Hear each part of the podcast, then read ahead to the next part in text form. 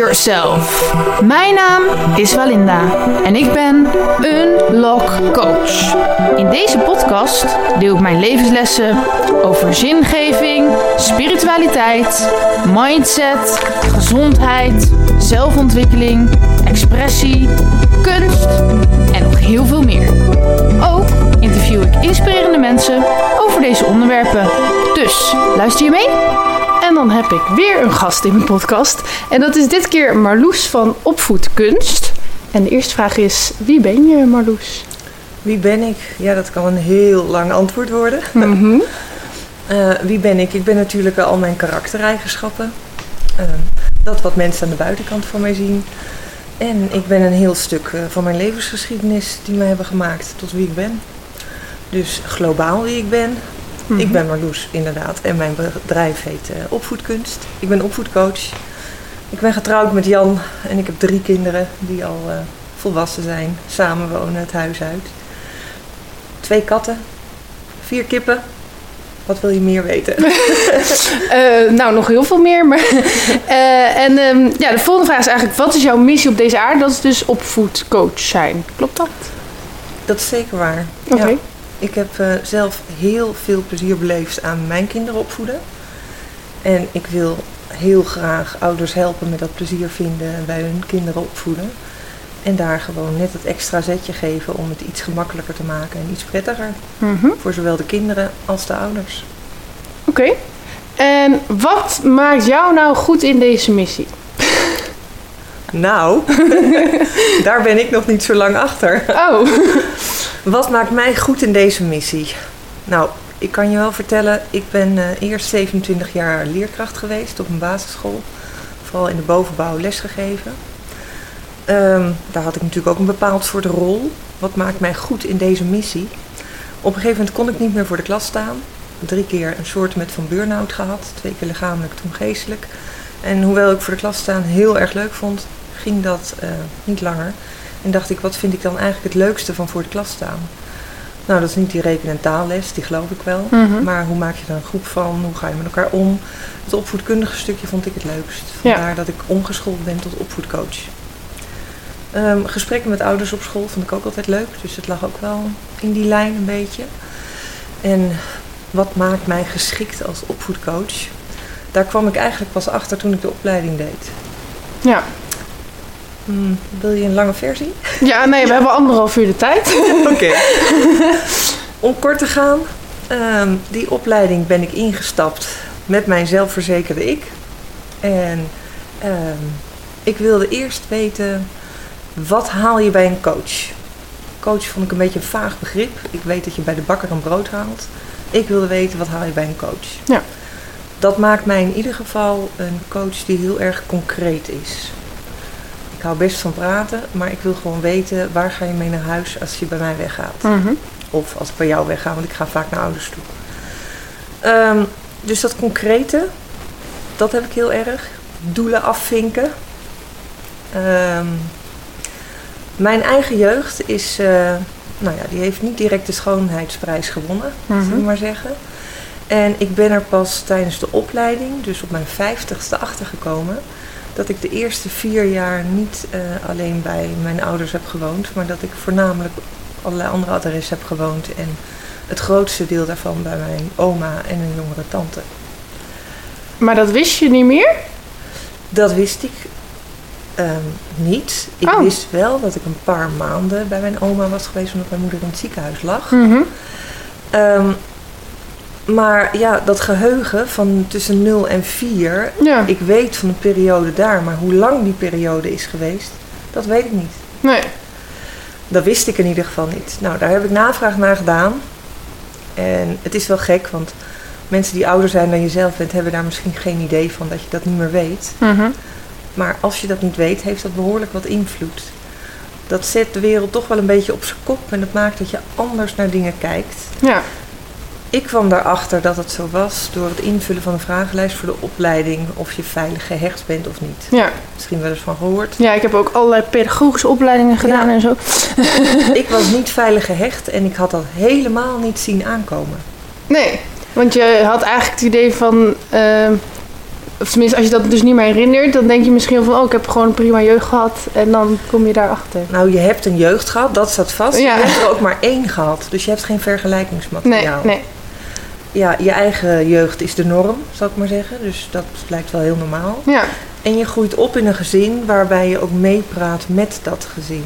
Mhm. Los van wat je zelf vindt. Dat ga je pas later ontwikkelen, waardoor je ook een bepaalde zienswijze op dingen hebt. Nou, ik weet nu, eh, hoogstwaarschijnlijk, doordat bij mij de omgeving niet heel veilig is geweest vanaf de start. En ik dus niet beter weet dan dat het zo was.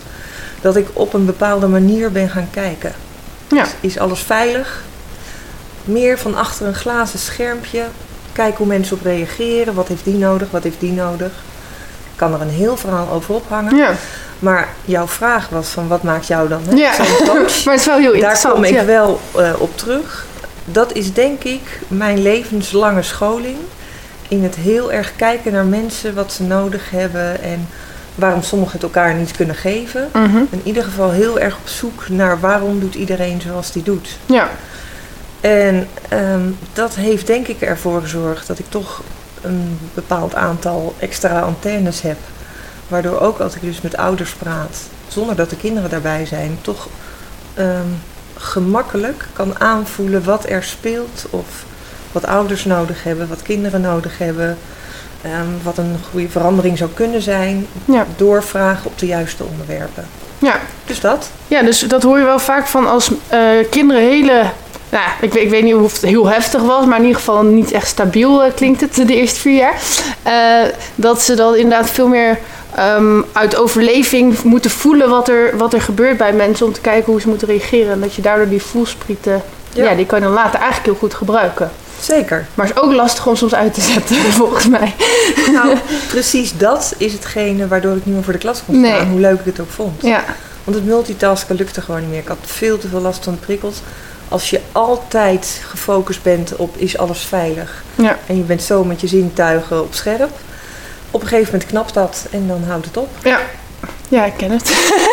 ja, ik heb ook voor de klas staan, maar niet, niet eh, als juf dan, maar, Nee, eh, maar ik gaf les op verschillende scholen. Ja. Ja, tot mijn vijftigste ging dat goed. Ja. En, eh, ja, nu kan ik Nou, heel dan heb je het wel lang volgehouden. Nou, zeker. Het was ook leuk, hè? Dus Ja. dat helpt ook mee. Maar ik denk ook dat het, eh, los van dat verhaal, denk ik dat voor niemand lesgeven echt makkelijk is. Hoor. Het is wel pittig van die grote groepen en ouders en huiswerk en lessen voorbereiden. Ja, ik vind het gewoon knap dat mensen dat kunnen eigenlijk. Ja, ik kan wel zeggen dat ik het wel hobbyen vond. Oké, jij vond het wel echt... eh, Ja. ja. Maar dat is ook ja, hoe je voor een groep staat. Ik vond het echt leuk. ja. Ik denk ook wel dat mij, aan mij te zien was dat ik het leuk vond. En ik was wel van de humor. Ik was niet de, de strenge boeman. Nee. Ik zei wel waar het op stond. En ja was ja, nee was nee. Maar dingen kunnen ook vaak met een geintje gezegd. En dan is het ook duidelijk. Ja. Dus de, ja, een duidelijk iemand voor de groep. Met oog voor kinderen. En ehm, vooral de kinderen die niet over dat lijntje wat uitgestippeld is wandelen. Die vond ik heel erg interessant en leuk. Mhm. En ook om mee in gesprek te gaan. Of te denken, hé, hey, een vreemde reactie van je. Wat is er met je aan de hand? In plaats van, huh, wat heb je tegen mij? Ja, Want dat zie je ook nog wel eens bij leerkrachten. ja. Dat ze het gevoel hebben dat leerlingen iets doen. Ze persoonlijk nou naar hun. Ja, precies. En als je dat niet zo ervaart, kunnen er hele verrassende dingen gebeuren. Ja, oké. Ehm, nou, we gaan daar zo dieper op in. Maar eerst ben ik nog wel benieuwd, wat zijn je hobby's? We houden het nog even... Oppervlakkig. Nee hoor. Het was echt zo oppervlakkig. Ja. Nee, wat zijn mijn hobby's? Ehm, vanwege die prikkels ook ben ik heel erg van het wandelen. Oké. Ik ben graag in de natuur en van de beestjes en de plantjes. Mm, ik ben graag creatief bezig. Iets minder tijd voor de laatste tijd, maar filten met wol bijvoorbeeld, glaskranen blazen of eh, glaskralen maken. Eh, creatieve dingen, dat kon ik op school natuurlijk heel goed kwijt, ook met de kinderen Ja. knutseljuf. En nu zit het meer in creatieve oplossingen bedenken samen met ouders. Ja, dus dat is niet echt meer met je handen knutselen. Of... Nee, dat wil ik zeker wel weer gaan doen hoor, maar Ja. voorlopig heb ik nog even genoeg. Maar ik zag ook nog op je site dat je eh, ook nog dingen doet met die poppetjes. Dat is ook wel creatief met je handen. Toch? Ja. Ehm, ik ben nog bezig met de opleiding. Dus Oh. ik heb de basisopleiding Poptalk gedaan. En dat is eigenlijk eh, ja, communicatie in beeld brengen hè, met poppetjes. Dat is leuk ook om op die manier met eh, kinderen in gesprek te gaan. Mm, vaak kunnen ook emotione- emotionele dingen goed neergezet worden. Dat, net, dat je net iets meer afstand eh, houdt. Ik heb nu poptalk rouw en verlies gedaan. Dus over dood, de dood, mm, echtscheidingen is natuurlijk ook verlies, verhuizen. En ik wil eh, over een aantal maanden de opleiding eh poptalk trainer gaan doen. Oké. Dus dan kan ik mensen op gaan leiden om poptalk coach te worden. Ja, ik vond het wel. Ik had daar nog nooit van gehoord of iets van gezien. Maar toen ik zo dat op die site zag, dacht ik: oh ja, dat is echt wel ideaal van eh, hoe je dan inderdaad je eigen belevingswereld of die van het kind in de poppen kan laten zien, zeg maar. Ja, want je kan daar poppetjes neerzetten, maar ook allemaal emoticons bij gebruiken. Of Ja. hoogteverschillen aangeven. Ja. Wie heeft er meer macht en minder? Wie voelt zich kleiner? Eh, hoe boos ben je? Hoe rood is het vlakje dan? Snap je? Je Ja. kan er heel veel kanten mee op.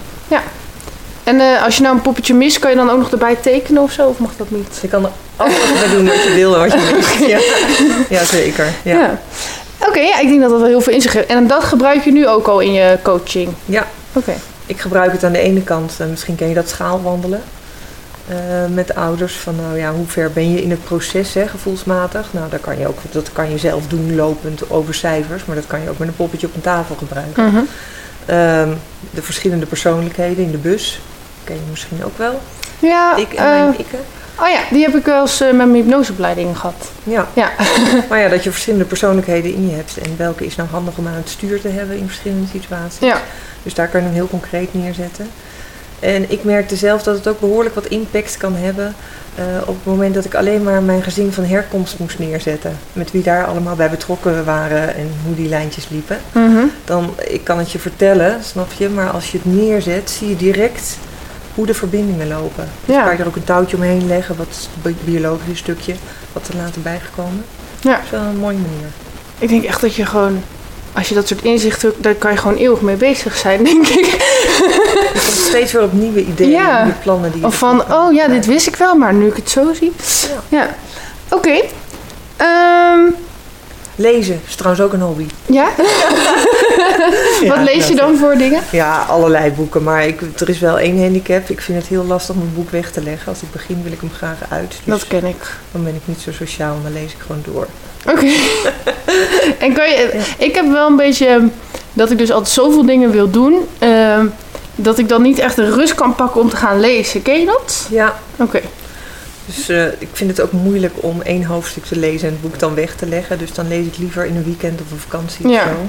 Dat ik gewoon achter elkaar door kan. Ja, ik heb nu dus vooral dat ik echt alleen maar podcast luister, omdat ik dan nog kan opruimen. En weet je wel, dan ben ik alsnog bezig. dat is een soort time management. En dan bij boeken denk ik van, oké, volgens mij weet ik alles al. Natuurlijk weet je niet alles, maar heel veel dingen die je leest, die wist je stiekem eigenlijk al. En dan denk ik, nou, als ik het al podcast luister en niet veel meer lees, dan eh, komt het wel goed. Dat is wel een goeie, ja. dat moet ik meer gaan doen. Want dat zit bij mij nog niet echt in mijn systeem om podcasts te luisteren. Ja. Oké, ehm, wat zijn je valkuilen? Als je die durft te zeggen natuurlijk. Oh, dat durf ik zeker te zeggen. We moeten jou niet als coach hebben om dat te nemen. Nee, mijn valkuil zit meer in dat ik eh, het lastiger vind om mijn eigen grens aan te geven. Mhm. Dat ik doorga totdat iets klaar is. Nou, daar heb ik nu inmiddels wel van geleerd. Dat kan je niet eeuwig doen, want dan eh, ja, kan het goed misgaan. Mhm. Ehm, wat is mijn valkuil? Dat ik het te precies wil, dus toch dat perfectionistische erin. Ja. Ehm, dat ik moeilijk hulp kan vragen. Dus dat, dat zijn dingen, ja, die leer je ook. Ook door zo'n opleiding. Ja. Maar eh, het weten en het veranderen zijn nog wel twee verschillende dingen. ja, maar het is ook wel... Perfectionisme vind ik altijd zo... Want alles kan altijd beter of zo. Dus dan kan je het wel los gaan laten. Maar dan... eh, ja, ik weet niet. Dat is echt zo'n strijd die je volgens mij altijd kan blijven voeren. Ja, Van wanneer is iets goed genoeg? Wie, ja, wanneer... eh, hoe bepaal je dat? ja. Ik heb het gevoel dat ik zelf bepaal of het goed genoeg is. Ja. En dat ik doorga tot ik het goed genoeg vind. Ja. En perfectionisme in bijvoorbeeld opgeruimdheid, dat zie ik ook eh, dat daar wel iets anders achter kan zitten. Ik krijg rust in mijn hoofd van een opgeruimd huis. Ja. En dat, die rust in mijn hoofd heb ik nodig. Ja. Nou, ik heb een partner die heeft dat absoluut niet nodig. Die kan in chaos werken en leven. Dus daar vind ik het ook niet noodzakelijk voor. Nee. Maar als je ermee samenleeft, is het wel prettig als daar een beetje balans in Ja. zit. dus eh, dat is ook nog wel eh, kijken hoe je dat uit. Oké, en ehm, ja, hoe, eh, hoe vang je je valkuilen nou op in jouw werk als coach? Ehm, nou, die valkuil die zat heel erg in het onderwijs. Ja, En het werk als coach en als ZZP'er heb ik zelf veel meer in de hand. mhm. Dus ik weet dat als ik een gesprek gevoerd heb, dat ik niet meteen een volgend gesprek erachteraan moet plannen. Ja. Dus die valkuil, die plan ik gewoon in mijn agenda als blokje. En dan wandel ik eerst een stuk voordat ik weer verder ga. ja, Dus ik heb geen wachtkamer vol. nee. ik vind het ook prettig om, ook als ik ouders gecoacht heb, om daar gewoon eventjes op te kouwen, zou ik maar zeggen. En nog eventjes langer over Ja, anders ga je ook dingen door elkaar halen. Ja, en wil ik wel eerst even afronden. Dus ik noteer dan ook alles en eh, ehm, maak alvast voor het volgende gesprek mijn planning klaar. Zodat ik het ook los kan laten. Ja, oké. Dus omdat je eh, ondernemer bent, kan je het eigenlijk gewoon helemaal indelen zoals het voor jou goed werkt, zeg maar. Ja. Hm. Mooi. Ehm, nou, je zei al dat je dus drie kinderen hebt die op zichzelf wonen, maar, ehm, en dat je het opvoeden heel leuk vond. Maar hoe ging dat opvoeden eigenlijk? Ben je daarin ook tegen dingen aangelopen of juist niet? Of- Nou, daar kom je dan dus ook achter. Ik vond opvoeden heel leuk. Ja, Maar ja, je hebt maar één leven. Je leeft alleen je eigen leven. En je ziet dus niet, je weet niet precies hoe dat bij een ander gaat. nee. Ik weet nu door mijn eh, vooropleiding, oftewel mijn jeugd, dat ik eh, dat stapje terug kon zetten en kon kijken wat gebeurt er nou eigenlijk. Ja, Dus ik was niet echt een moeder die zei, die zei van hou nou op, doe nou, snap je zo? Meteen Mhm. die primaire reactie. Maar wel als ik gek werd van mezelf, dat ik dacht, pff, ik vind het echt wel zwaar worden. Dat ik dacht, ik moet nu gewoon even stoppen en gewoon kijken wat er nou gebeurt. ja, En dan vaak met afleiden of begrijpen waarom kinderen doen zoals ze doen, kan je heel veel ellende voorkomen. ja. Dus dat is eigenlijk ook wat ik ja, met ouders bespreek. Maar het was dus niet zo dat je dacht van... oh, met mijn eigen kinderen opvoeden vond ik het zo lastig... en ik liep al hier heel erg tegenaan en daarom wil ik dit ook doen. Of, of juist andersom, dat het zo fluitend ging. Dat is eigenlijk maar ik ben me er wel bewust van geweest dat ik het heel anders wilde doen dan mijn ouders het hebben gedaan. Ja, Eh, en dat heb ik denk ik ook gedaan. oké. Ja. Nou, dat is ook een van mijn vragen die ik eh, had voorbereid. Eh, van, nee, maakt niet uit. Ja. We gaan, eh, jij bent leidend in het gesprek hoor. Met Ehm, welke ei, ja. Allebei. Ehm, maar ja, welke dingen vanuit je eigen opvoeding wil je meenemen? Dus nee, je hebt nu in, in principe je kinderen al volwassen dan, maar wat neem je nu nog mee in je eigen leven of aan tips die je doorgeeft vanuit je opvoeding van je ouders? En wat wil je absoluut niet meenemen? Ehm, ik realiseer me altijd wel dat het ook een andere tijd was. Ja, Mijn ouders zijn gescheiden voordat ik geboren werd zo ongeveer, of tijdens, of net daarna. Eh, voor die tijd was dat bijna uniek, dat gebeurde Ja, niet. nee. Dus mijn ouders hadden ook niet een voorbereiding daarop, of konden bij de buren kijken hoe dat werkt. nee. Dat is nu heel vanzelfsprekend, Ja. dat gebeurt overal en eh, ja, is gewoner lijkt wel. Ehm, dus wat is er anders? Nou, dat heeft het zeker anders gemaakt en over de scheiding werd ook niet echt gepraat. Ehm, ik zei al, je leeft maar één leven, dus voor mij was die scheiding ja, vanzelfsprekend. Het was altijd zo geweest, dus Ja. ik wist ook niet hoe het anders was. Nee. Ehm, wat neem je dan mee? Nou, in ieder geval dat er wel over dingen gepraat wordt. Ja, Gewoon veel. Ja. Dus eh, dat vond ik voorop staan, een heel open gezin. Waar je probeert dat iedereen zichzelf kan zijn. mhm. Heel erg zichzelf mag zijn. Eh, binnen de perken natuurlijk, moet Ja. voor iedereen leuk blijven. maar die eigenheid van kinderen vind ik heel erg belangrijk. oké. In de klas vond ik dat ook belangrijk. Bij mijn eigen kinderen vond ik dat belangrijk. En ja, die generatie terug waren die volwassenen belangrijker, die met elkaar in gesprek waren. En die kinderen, die hoorden daar minder bij. Ja, oké. Dus die eigenheid, die, die eh, zorg je ervoor door, door erover te praten. Maar hoe, hoe zorg je nog meer dat een kind zijn eigenheid kan behouden? Ehm, door te luisteren en te kijken wat er gebeurt. Mhm. Kijk, ik vond eh, wij wapperkleren leuk om maar wat te noemen. Hm. En toen was de derde meisje, dacht ik, oh leuk, ook van die leuke puntmutsen. Nou ja. Zij vond dat helemaal niet leuk. En al heel jong vond ze dat niet leuk. Mhm. En jurkjes en rokjes ook niet. En roze al helemaal niet. Nou was ik ook niet zo van het roze. daar heb ik wel naar geluisterd. Dus Ja. dan gaan we op zoek naar dat wat je wel leuk vindt. Oké. En twee jongetjes eh, waren de oudste, mijn twee zoons. Ehm, ja, die hadden allebei ook een hele andere smaak. Dus de kleding van de ene naar de andere overdragen, omdat ik toevallig ietsje jonger was, hebben we eigenlijk niet gedaan. Het was ook kleding die paste gewoon niet bij hem. Nee. Dus daar zit ook eigenheid Ja. in. Ik weet nog dat eh, toen ik eh, een jaar of 13 was, nee, ik denk 12, want ik ging naar de brugklas. Toen was het helemaal hip om gothic te zijn. Ja, Eh, Dus er liepen allemaal zwarte mensen op school met heel veel ehm, eyeliner, maar echt heel gewoon over je wangen en zo. En eh, toen dacht ik, oh, dan moet ik ook gothic worden. Of ja, ik weet niet waarom ik dat dacht, maar dat vond ik dan blijkbaar leuk. dus ik kwam thuis, mag ik gothic worden? Ging ik toch gewoon niks vragen. Hè? ja. En toen zeiden mijn ouders, nee, dat mag je niet. En nou ja, daar, heb ik ook gewoon naar geluisterd. Dus zo'n heftige puber was ik blijkbaar niet. Ehm, maar toen ging ik dus expres hele, hele kleurige kleren dragen. Maar ik ben wel benieuwd, zou jij dan bijvoorbeeld zoiets, is dat nog eigenheid of zou je daar grenzen in? eh? Ik wil bijna het gesprek overnemen. ik ben benieuwd naar jouw verhaal. Dat mag Nee. wel hoor. Ja. Het, Ehm, eh, ja. Ehm, vind ik dat eigenheid? Ja, dat vind ik ook eigenheid. Maar de vraag erachter vind ik veel meer van belang. Mhm. Waarom je het wil. ja, Als het je veiligheid biedt om bij een bepaalde groep te horen, dan is het best moeilijk om, daar, om als ouder te zeggen dat dat niet mag. Want daar ontneem je je kind ook een stuk veiligheid mee. Ja. Als dat de manier is waarop hij zich veilig voelt. ja, Mijn veiligheid zat hem in net een beetje anders zijn dan anderen, waardoor ze dachten, oeh, ehm, die weet precies hoe dat zit of dat zit, snap je? Laten Ja. we daar maar niet mee bemoeien. Dat gothic-achtige ken ik ook. En ik heb ook wel in ieder geval ander soort kleren gedragen dan anderen. En juist als iedereen het deed, wilde ik het liever niet. Nou, het was ook niet dat iedereen. Het was inderdaad een beperkte groep. Ja, Ja. een vierde van, Ja, van ja, de brugklas deed dat dan of zo. En daar wilde ik dan bij horen. Ja, prima. Ik had een buttontas met stopte neutronenbom en zo. En ik heb, eh, Wat met een? stopte neutronenbom zat er op mijn tas, Oké. button. En de vredesdemonstratie heb ik in meegelopen.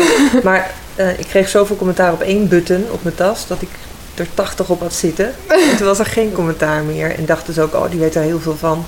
Vragen we niks meer over. Dat, dat, je voelt je op de een of andere manier dan sterk. Het is je eigen schild. Ja. En mijn kinderen hebben dat zeker ook wel gehad. Eh, mijn dochter heeft krullend haar.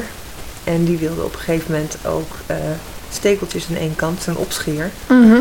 En die zei ook, mag dat? En toen zei ik, denk er eerst een week goed over na. En als je dan nog wil, moet je doen. Haar groeit wel weer aan. Mhm. Hmm, ik vond piercings en tatoeages en zo vond ik niet goed. Mhm. Pas na je achttiende, zo van...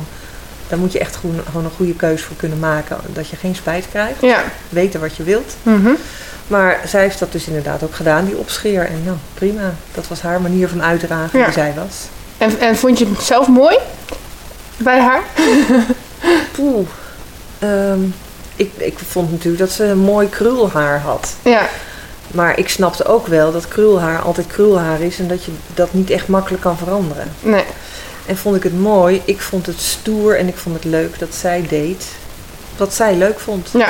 Zonder dat anderen dat hadden. Dus niet dat je dacht van, oh jee, daar wil ik niet naast lopen of zo. Helemaal Oké. Ik vond het stoer dat ze die eigenheid had. Nou, dat vind ik wel eh, knap. Even kijken. Ehm, Ja, dit heb je eigenlijk al verteld. Ehm, wat voor opleidingen heb je nou allemaal gedaan? Dus je hebt de PABO gedaan. Je hebt ehm, eh, die opvoedcoachopleiding dan gedaan, denk ik. Ehm, ik heb de brede coachopleiding gedaan en toen heb ik eh, specialisatie gezins- en opvoedcoach gedaan. Ik ben bezig met poptalk. Ehm, ik ben een ambassadeur van de opvoedparty. Ik weet niet of je dat kent. Had ik eh, opgezocht. ja, dus dat zijn feestjes in de buurt, denk ik, of zo? Nou, ehm, je kent het principe van een Tupperware party Ja. misschien. Nou, eigenlijk is het zo dat eh, ouders eh, ook een groepje ouders uitnodigen om samen over opvoeden te praten. En dan zit ik erbij als ehm, gespreksleider. Ja. Dus niet per se als coach, maar gewoon samen het gesprek doen. En dat is dan meer vanuit de eigen wijsheid van ouders. Eh, ouders kunnen elkaar prima van tips voorzien of vertellen hoe zij het doen of waar zij tegenaan lopen. Dat geeft andere ouders weer het gevoel van, Oh, fijn. Ik ben niet de enige. Nee, maar doe je dat dan door heel Nederland of hoe... hoe eh, Nou, dat heb ik eigenlijk nog helemaal niet zo vaak gedaan. Oké, Dus dat zou eigenlijk in de buurt zijn. Het zou bijvoorbeeld goed kunnen dat je een opvoedparty heeft en dat daaruit misschien iemand komt die ook gecoacht wil worden. Of na afloop van de coaching om het netwerk van die ouders wat te vergroten. Om het vaker over opvoeden te praten. Maar in coronatijd starten brengt met zich mee dat je dat soort dingen niet doet. Want het is met meer tegelijk in een ja, ruimte. ja. Oh, want je begon dus in coronatijd daarmee. Ik begon in coronatijd. Ah. Ja. Maar nu kan het weer. Nu kan het weer. ja, Dus wanneer is je volgende opvoedparty? die heb ik nog niet direct gepland. Ik ben nu met PopTalk eh, bezig. Ja, En gewoon met het coachen, dus eh, daar hou ik het nu even bij. Maar eh, komt hij langs, dan is dat prima. ja. Als ouders dat willen. Oké. Dus als iemand nog een opvoedparty wil, dan kan je bij Marloes zijn. Precies. Ehm, wat is jouw coachingstijl? Sorry, ik schop je per ongeluk. Mijn stijl is mensen schoppen. Nee. Maar ehm, ja, heb je zeg maar eh, bepaalde eh, voorbeelden die je daarin? Of bepa- bepaalde methodes? Of heb je je eigen methode ontwikkeld? Ehm, nou, globaal gezegd, ik kan wel vertellen wat ik ongeveer doe. Vaak, ik, ik coach graag ouders allebei, Mhm. als die er allebei zijn. Ja, dat snap ik wel. Dat is wel het handigst. Ja, en daar zijn niet de kinderen bij. Dat geeft voor ouders ook een veilig gevoel van eh, we worden niet gekeurd op ons opvoeden. Vinkjes als het gelukt is en geen vinkje als het nog niet lukt. Dus ik zit alleen met ouders aan tafel en eigenlijk gaan we eerst gewoon in gesprek van waarom komen jullie eigenlijk bij mij en wat zouden jullie graag willen? Hè? Wat, wat zouden jullie graag veranderd willen binnen jullie gezin? Nou, heel vaak is dat zoiets als eh, de sfeer in huis verbeteren of eh, mijn kind beter leren begrijpen. Nou, dan heb je dus een groot doel en daaronder komen wat subdoelen. En die subdoelen komen eigenlijk voort aan, nou ja, als je opstaat, dat is het eerste waar je tegenaan loopt. Dat kan zijn eh, het aankleden van de kinderen, of het ontbijten, of dingen die niet lekker lopen, of het lukt ons maar niet om op tijd op school aan te komen. Mijn kind luistert niet, van alles nog wat. Ja. We pakken één situatie aan, die spitten we helemaal uit, draaien we ondersteboven, kijken hoe die er nou uitziet, zodat ik eigenlijk ook een goed beeld heb van wat daar dan gebeurt. En dan gaan we samen op zoek naar waar zitten de veranderingen in, wanneer lukt het wel. Dus ik noem maar wat, stel je voor, het lukt wel in de weekenden om eh, nou ja, gewoon prettig te ontbijten en aan te kleden. Waarom? Nou, misschien wel omdat er dan geen tijdsdruk is. Ja. Dus een oplossing zou kunnen zijn, kom je dan met elkaar achter, net de wekker een half uurtje eerder, waardoor die tijdsdruk wat meer wegvalt. Ja. Dat een kleine oplossing, er zijn er duizend en één. Mhm. En eigenlijk elk gesprek pakken we een ander stukje aan, verbouwen we tot iets wat werkt, evalueren we een keer daarop, werkt het zoals, het, eh, zoals we het hebben bedacht. Nou, zo niet, dan moet er nog iets worden aangescherpt en zowel laat hem staan en we gaan verder. Ja. Maar elke volgende keer begin ik ook weer bij het eerste wat we hebben veranderd. Want het Ja. kan best zijn dat een kind zich helemaal goed kan aankleden en in gesprek 4 blijkt dat hij dat niet meer wil doen. Nee, ja, sowieso. En, en gedragsverandering kost tijd. Dus je kan wel misschien het een week veranderd hebben, maar wie zegt dat het dan de volgende week nog steeds goed gaat? Precies. Ja. Er zitten ongeveer twee weken tussen het eerste en het tweede gesprek. Ja, En vijf gesprekken heb ik eigenlijk altijd nodig. En dan eh, nou, kunnen ouders zelf verder.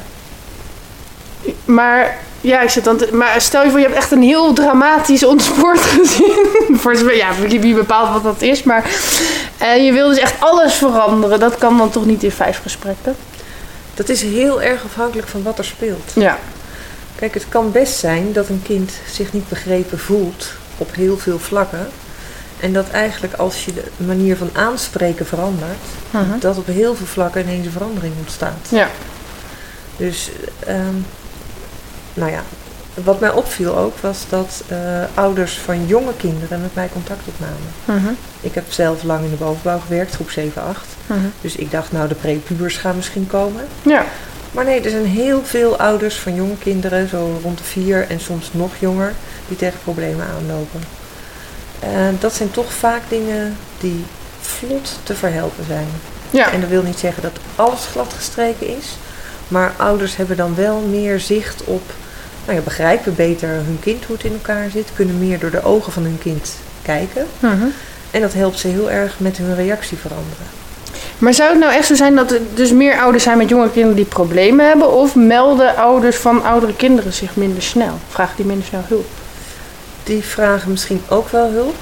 Maar ik denk dat de opvoedskills, om maar zo te Mhm. noemen, dat die al in het begin zitten. Ja. En als je die basis goed hebt, Mhm. dat ook het vervolg makkelijker gaat. Ja. Ja. Oké. Ehm, ja, op zich wel logisch. Ehm, en, maar je hebt niet echt een ehm, eigen methode ontwikkeld daarin? Of... Ik heb verschillende interventies die ik gebruik, maar Ja. dat zijn eigenlijk manieren om eh, weer tot een ehm, ja, nieuwe situatie te komen of een nieuwe oplossing. Ja. En- Eigenlijk is het gewoon de vijf, de vijf stappen methode. Tenminste, Nou, het weet je, als je vijf keer een situatie hebt omgebogen, dan lukt de zesde. Vaak in het vijfde gesprek zeggen ouders ook van, oh, maar we zijn nog helemaal niet zover. Het is een beetje het gevoel van dat je een kraamhulp hebt of eh, een Ja. kraamzorg die vertrekt en dat je denkt, oh, ik weet nog niet hoe, die, hoe ik die luier om moet Ja. doen, weet je wel. En nou gaat ze al. Maar dan zeg ik ook tegen ouders van, weet je, eh, dan vragen ze aan het eind nog van, oh, maar kunnen we dat nog eventjes bespreken? En dat, want dat loopt ook niet lekker. Ik zeg, nou weet je, jullie zitten hier hè, met z'n tweeën bij mij aan tafel. De tijd gaat nu in. En dan gaan ze samen bespreken. En vaak na een kwartier ligt er gewoon Ja, een plan. op eigenlijk elke verandering werkt bijna wel hetzelfde. Het is niet eh, hetzelfde probleem, maar de stappen zijn vaak wel hetzelfde. Dat kan, maar vooral het inzicht helpt daarbij. Ja, Wat wil mijn kind mij nou duidelijk maken? Ja. En waarom wil hij het niet zoals ik het wil? Ehm, maar eigenlijk maken ze dus ook heel zelfstandig, die ouders. Dus het is niet dat, Dat is ze wel de afhankelijk... Ja. dat is elke keer... Ik zeg dan ook vaak om mijn portemonnee te spekken, heb ik jullie graag nog vijf gesprekken. Maar ik denk niet dat het nodig is. Nee. En wat ik wel altijd doe, is dat als er tussentijds een vraag is of zo, eh, kunnen ze altijd een mailtje sturen of eventjes eh, wat vragen. En na een maand of drie stuur ik zelf een bericht. Loopt alles nog zoals het loopt? Ja, Zijn er nog punten? Is er nog een gesprek nodig? Dus dat doe ik wel. Ook om het nieuwe gedrag wat langer vol te houden. Ja. Dat ze ook weten, over drie maanden heb je er weer op de mail. Weet je, we houden het nog even vol. ja. Dus het is... ehm, even kijken wat ik nou vraag. Dus stel dat je dan over drie maanden toch nog jouw hulp nodig hebt... dan kan je wel weer opnieuw een traject beginnen, zeg maar. Nou ja, een traject is vaak niet nodig. Maar bijvoorbeeld ouders waar het met het kind thuis prettig loopt. eh, vanwege hè, het opvoeden gaat goed. Maar er zijn nog wel wat problemen op school. En die lijken op dezelfde dingen terug te komen. Dus een kind heeft behoefte aan enorme structuur of hè, weet ik veel wat. Eh, zeggen ouders ook van ja, dat was toen een keertje. Na die drie maanden zeiden ze kunnen toch nog één gesprek inplannen. Want we gaan een gesprek met school aan. Maar omdat ik natuurlijk ook voor de klas heb gestaan, weet ik wel ongeveer wat haalbaar is in de klas en wat niet. Ja, En dat je eh, best kan vragen op school of er dingen kunnen. Ik noem maar wat, een heen en weer schrift. Hè, zodat je goed op de hoogte bent van hoe het thuis gaat, hoe, op school, hoe het op school gaat. Maar als een leerkracht er daar al vijf van in de klas heeft, is nummer zes wel heel veel. ja. maar je kan wel meedenken in oplossingen van waar jullie thuis achter zijn gekomen. Hoe zou dat te vertalen zijn naar school? Ja, dus dat je een beetje tips kan geven ook aan de Ja. leerkracht. Hm. Ehm, ja, wat zijn tot nu toe de resultaten als je, als je dus de mensen die je hebt gecoacht terug hoort? Ik zag op je site echt al heel veel eh, referenties. Noem dat nou referenties of recensies? Dat weet ik eigenlijk niet. Ik denk een referentie is wat je vraagt als je een nieuwe baan hebt. Oh ja, dus recensies zijn het dan. Reviews. Ja. Ja. Ehm, dus wat krijg je te horen, ehm, ja, hoe mensen, of iets, mensen er iets aan hebben, zeg maar? Ja, het klinkt een beetje arrogant Ja. misschien, maar over het algemeen zijn ouders gewoon heel tevreden. Nou, dat is toch alleen maar fijn dat je het goede werk. Het klinkt een beetje opschepperig, maar ja, ik zit gewoon op mijn plek met het Ja. goede werk. Ja. En eh, ja, dat geeft ook veel voldoening. En ik denk, ehm, stel, eh, kijk, het kan altijd dat iemand een keer ontevreden is, maar ik denk eh, dat is vaak na één ontmoeting heb je al door of er met iemand een klik is of niet en of het werkt, toch?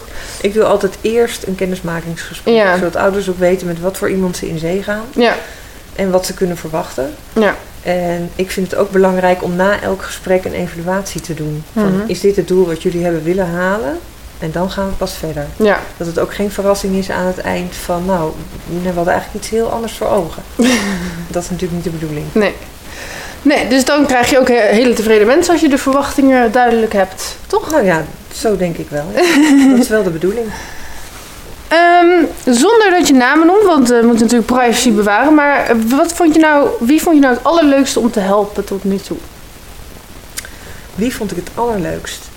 Eh, er is één traject geweest. Mhm. Ja, ik kan niet zeggen wie ik het allerleukst vond. Want elk traject heeft wel weer iets bijzonders in zich. Waardoor je iets creatiefs moet bedenken.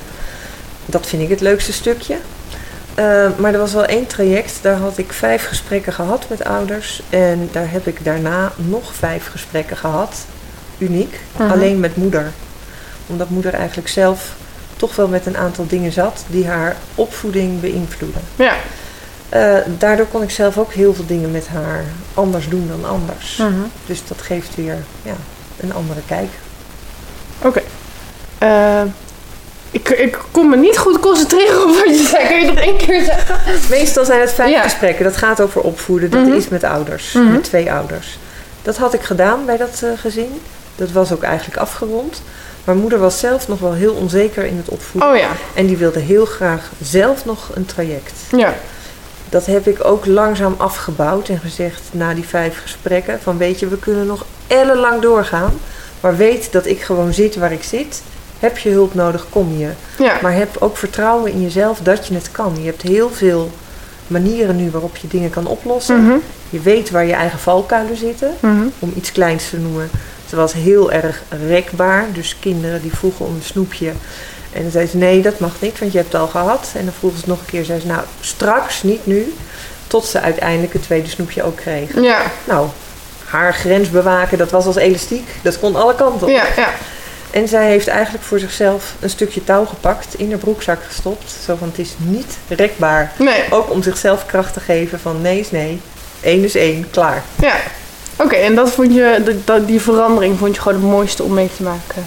Ja, ook omdat het van, voor haar ook een heel persoonlijk stuk was. Ja. En dan zie je ook dat het van belang is, hoe ben je zelf vroeger opgevoed? Mhm. En wil je eigenlijk wel zo opvoeden als je zelf vroeger bent opgevoed? Maar het is het enige wat je kent. Mhm. Eh, en wat is van jouw ouders en wat is van jou?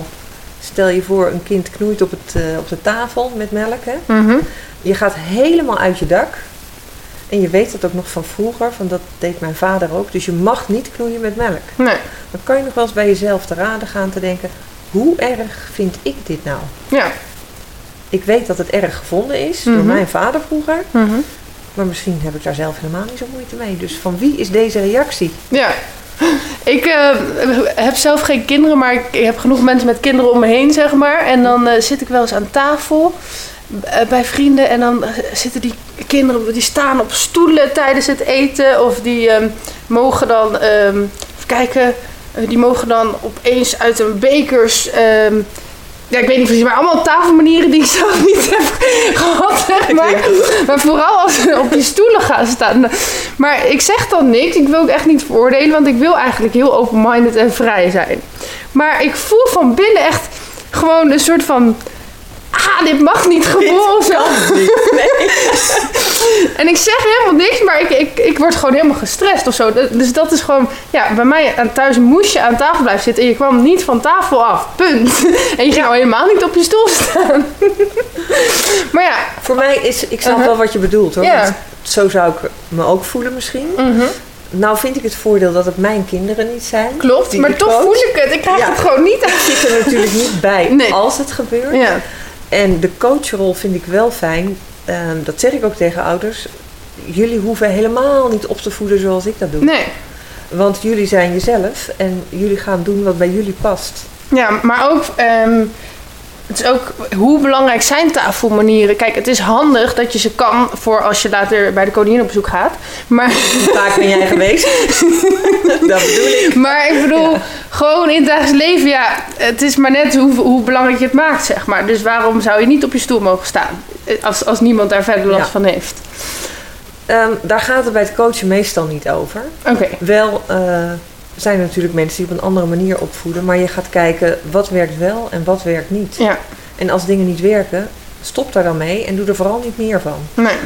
Ik ben ook niet voor het stickertjes plakken. Dus ik coach niet per se ouders van autistische kinderen of al die stickers. Die, Nee. die laat ik achterwege.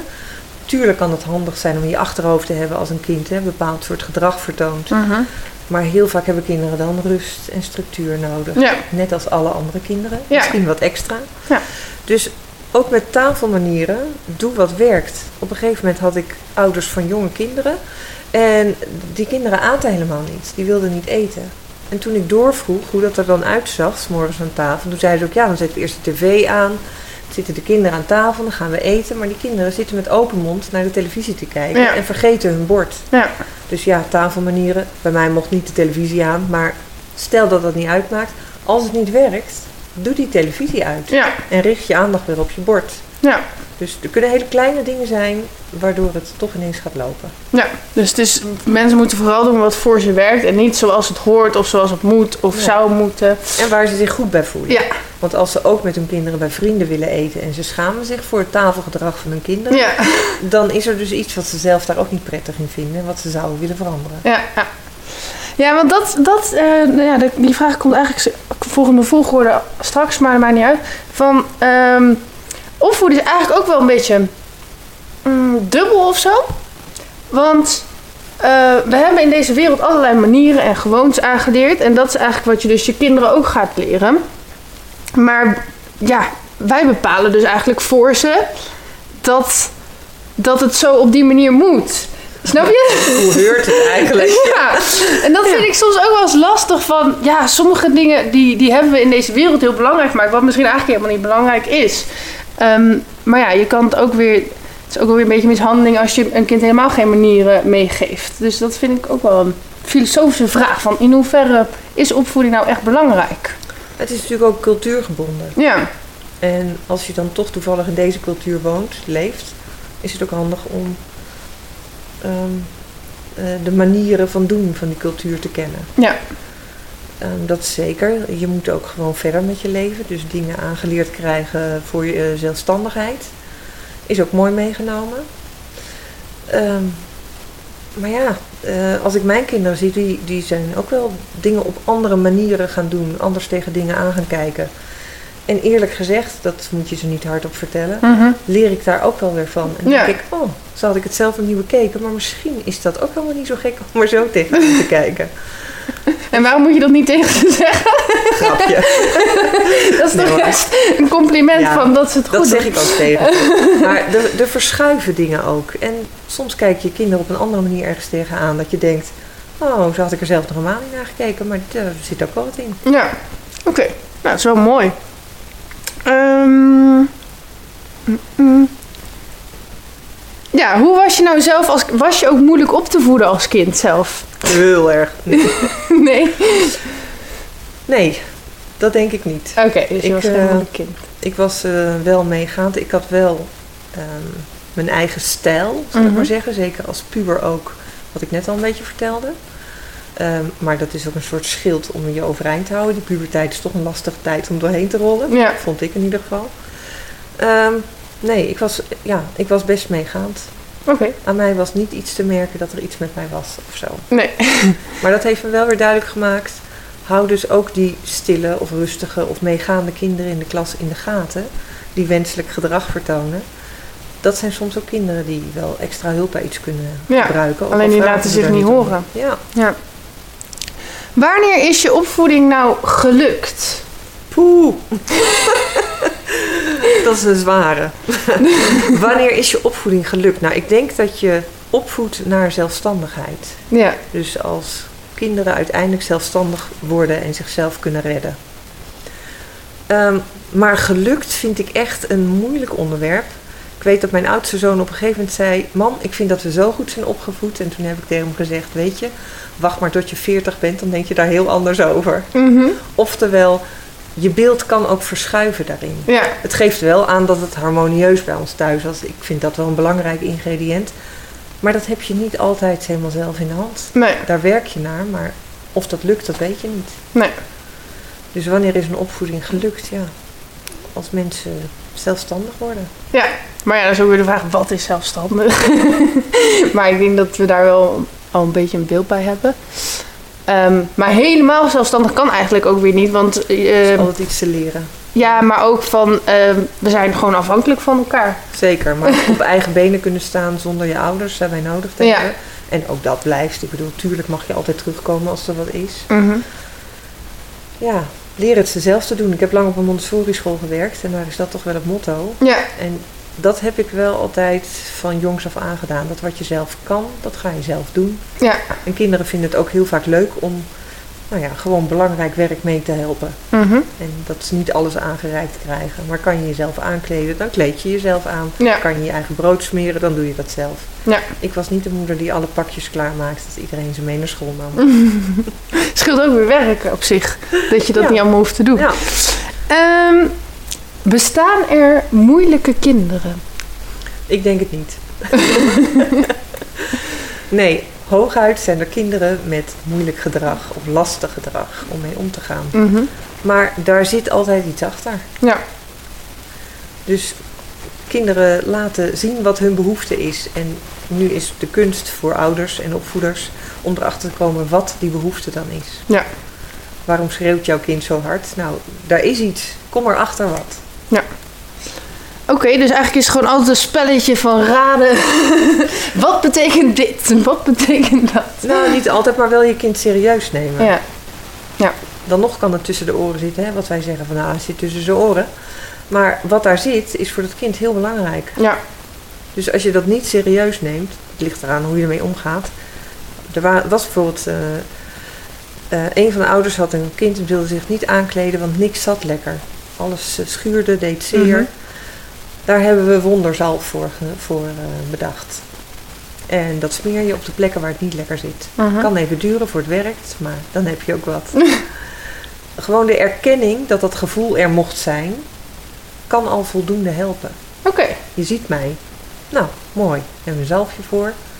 Leuk Nivea potje met een bloemetje erop. En het werkt. Wow, die vind ik wel creatief bedacht. Dus dat Ergens zijn- zit je wel heel hard tegen dat kind te liegen, maar... aan de andere kant geef je toe aan het gevoel van Ja. het kind en Ja. je wil het voor het kind verzachten. En toen vond hij dus kleren opeens... eh, Nou ja, niet opeens, maar dat maakte dat het gemakkelijker ging om aan te kleden. Oké.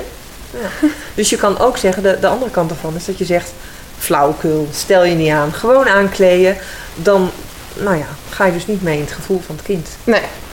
Maar dat- soms is dat toch ook niet erg? Ik bedoel, als Nee. iemand één keer zegt, mijn kleren zitten niet zo lekker... en je zegt, oh, flauwekul, je niet aan... dan is het ook niet Weet zo erg.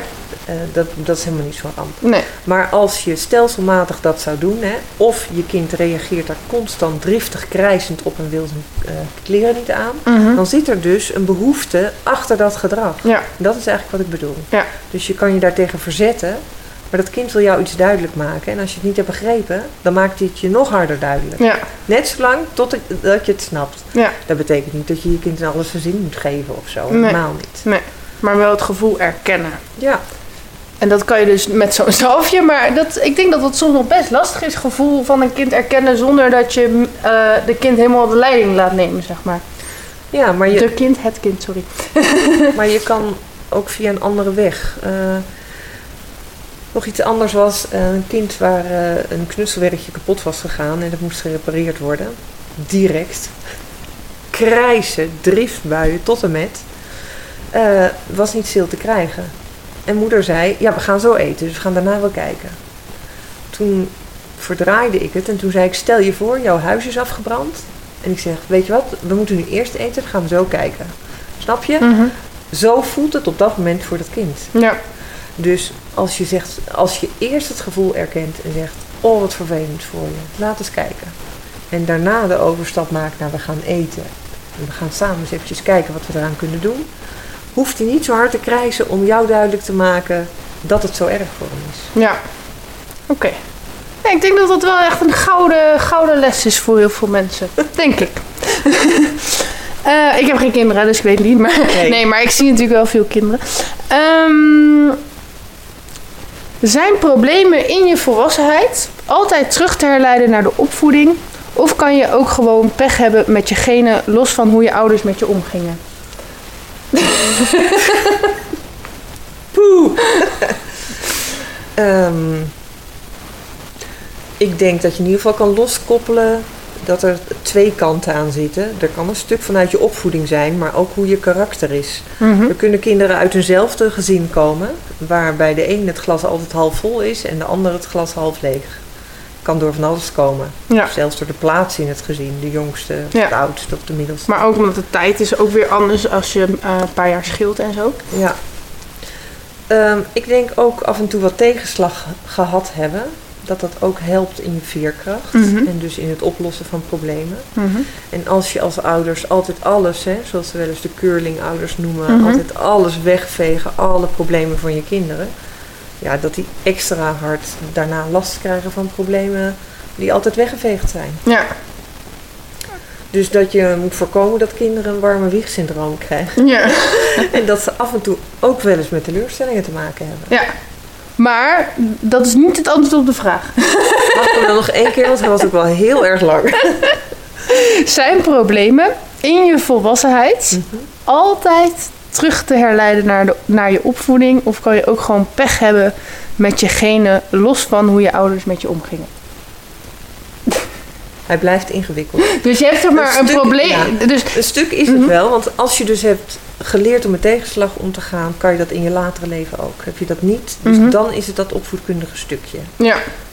Tuurlijk kan je ook enorme pech hebben. Ja. Maar dan nog denk ik, hoe je karakter is, dat dat heel erg ermee te maken heeft van hoe je dingen oplost, hoe je er tegenaan kijkt. Ja. Je kan denken, oh dat heb ik weer. Of, hé wat een pech. Nou ja, dan doen we het maar zo en we gaan weer door. Ja. Niks aan te doen. Nee. Kijken mensen, mensen in oorlogsgebieden of met enorme trauma's, hoe die toch veerkracht hebben om weer door te gaan. Mhm. We kunnen als mens tegen behoorlijk wat stootjes. Ja. Oké, dus eh, je kan ook gewoon pech hebben, maar heel vaak is het te herleiden uit opvoeding. Dat is eigenlijk dan de samenvatting. Ja, en het is denk ik meer hoe je ermee omgaat met die pech. Ja. Want dat maakt ook hoe zwaar die voor je weegt. Mhm. Ja. Ja, maar dat is, dat, je hebt het ook eh, ermee leren omgaan, misschien wel door je ouders. Ja. Ehm, ik trouwde ooit en er was ook zo'n Mhm. wensenboompje. ja. En een van die wensen was, ten slotte maak je je eigen geluk. ja. En die heb ik altijd wel heel erg onthouden. Ja. Want er zijn ook mensen die wachten tot een ander hen gelukkig maakt. Ja. Maar je moet eerst leren jezelf gelukkig te maken. Mhm. Eh, dat zit in iedereen zelf. En Ja. als je dat niet kan, dan heb je echt wel een probleem. Ja. En met wie werk je allemaal samen? Ehm, ja, ik heb natuurlijk geen gewone collega's meer. Nee, maar misschien wel Maar- samenwerkingspartners. Ja, eh, nu na corona, na corona, nou ja, we zitten nog in corona, maar nu er weer ouders de school in kunnen, Mhm. werk ik ook weer met scholen samen. Dus eh, neem ik contact op met IB'ers, maar ook met onderbouwleerkrachten. Omdat die vaak het eerste aan de schooldeur zien als het niet zo lekker gaat met eh, ouders en kinderen. Of kinderen komen steeds te laat. Of ouders noemen daar ook dingen. Ehm, dat ze eventueel kunnen doorverwijzen. Omdat ouders soms ook helemaal niet weten dat ze hulp kunnen krijgen bij Mhm. het opvoeden. Ja. Dus daar werk ik wel mee samen. Dat is meer het netwerken Mhm. en, eh, waar je contact mee houdt. Andere coaches ook. Ik heb ook nog wel een droom om eh, na verloop van tijd een, een soort consultatiebureau plus op te zetten. Mhm. Gewoon voor net wat bewuste ouders die graag extra informatie willen over allerlei onderwerpen. Mhm. Eh, dus eh, ja, met coaches werk ik samen, ehm, met scholen. En eh, dat is denk ik het belangrijkste. Oké, dus je hebt niet één vaste samenwerkingspartner van met die geef ik altijd die workshop of... Ehm, nee, dat heb ik nog niet, maar dat wil ik wel na verloop van tijd gaan opzetten. Ja. Maar dan moet je eerst heel veel mensen hebben gezien en gesproken. Ook om te kijken ja, wat goed matcht. Ja, logisch. Ehm, hoe vind je, en dit gaat dan eigenlijk dus over die ouders die dan bij jou advies komen vragen, eh, balans tussen goede zorg bieden en loslaten? Dat heb ik denk ik al een beetje gezegd. Mhm. Door vooral samen met ze te werken. Zij bedenken de oplossingen met eventueel tips van mij als ik die mag geven. Mhm. En zeker de laatste keer, dus eigenlijk laat ik dat steeds meer los. Van hoe is dat Mhm. de vorige keer gegaan, wanneer werkt het wel. Dus dat zet ze zelf ook in beweging en aan denken naar hun eigen oplossing. Mhm. En zeker in het vijfde gesprek bedenken zij hun eigen oplossing.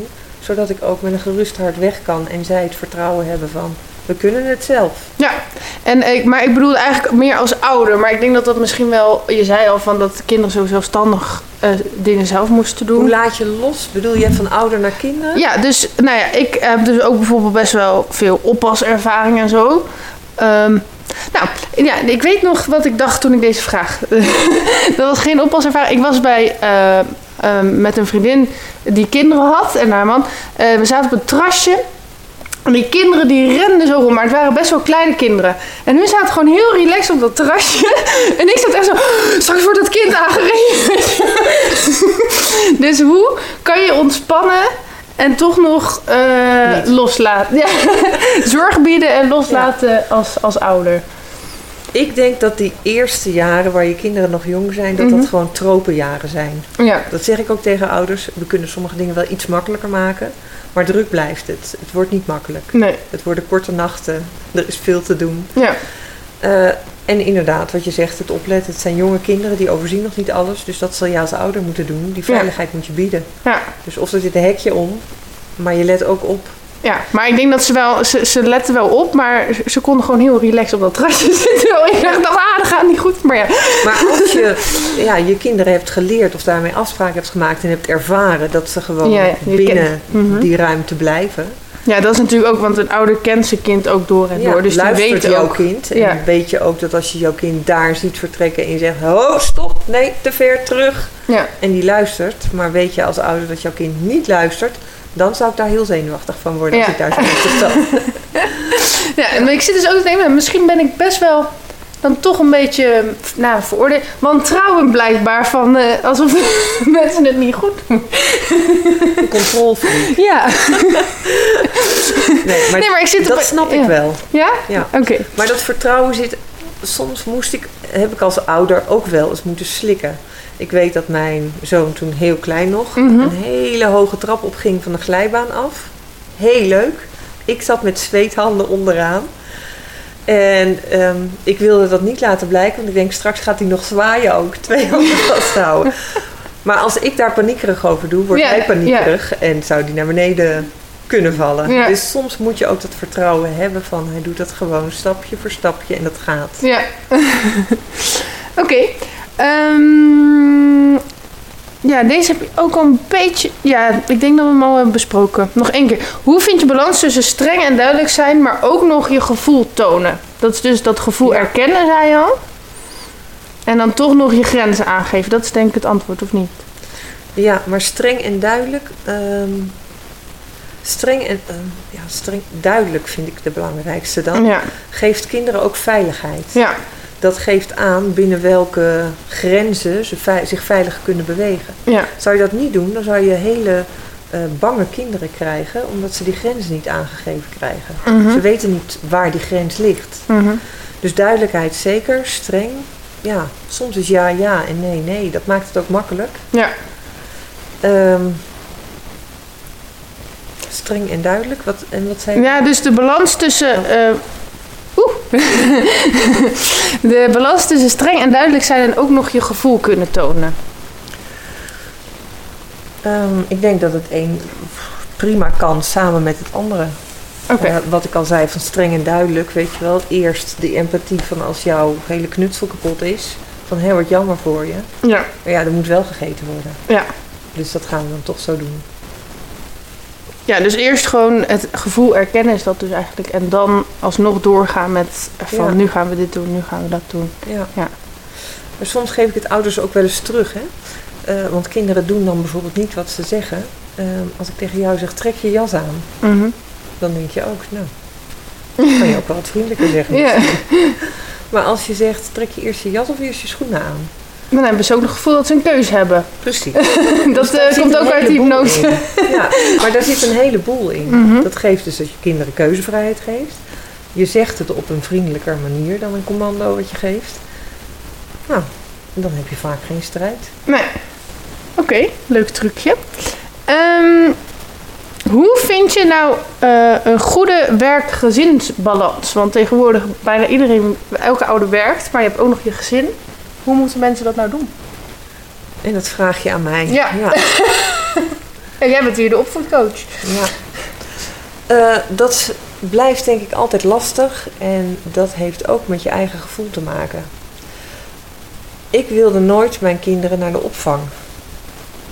Achteraf begrijp ik waarom. Omdat ik zelf waarschijnlijk dat eerste stuk van mijn leven overal heen weer gesleept ben. Ja. Dus dat zit als gevoel in mij.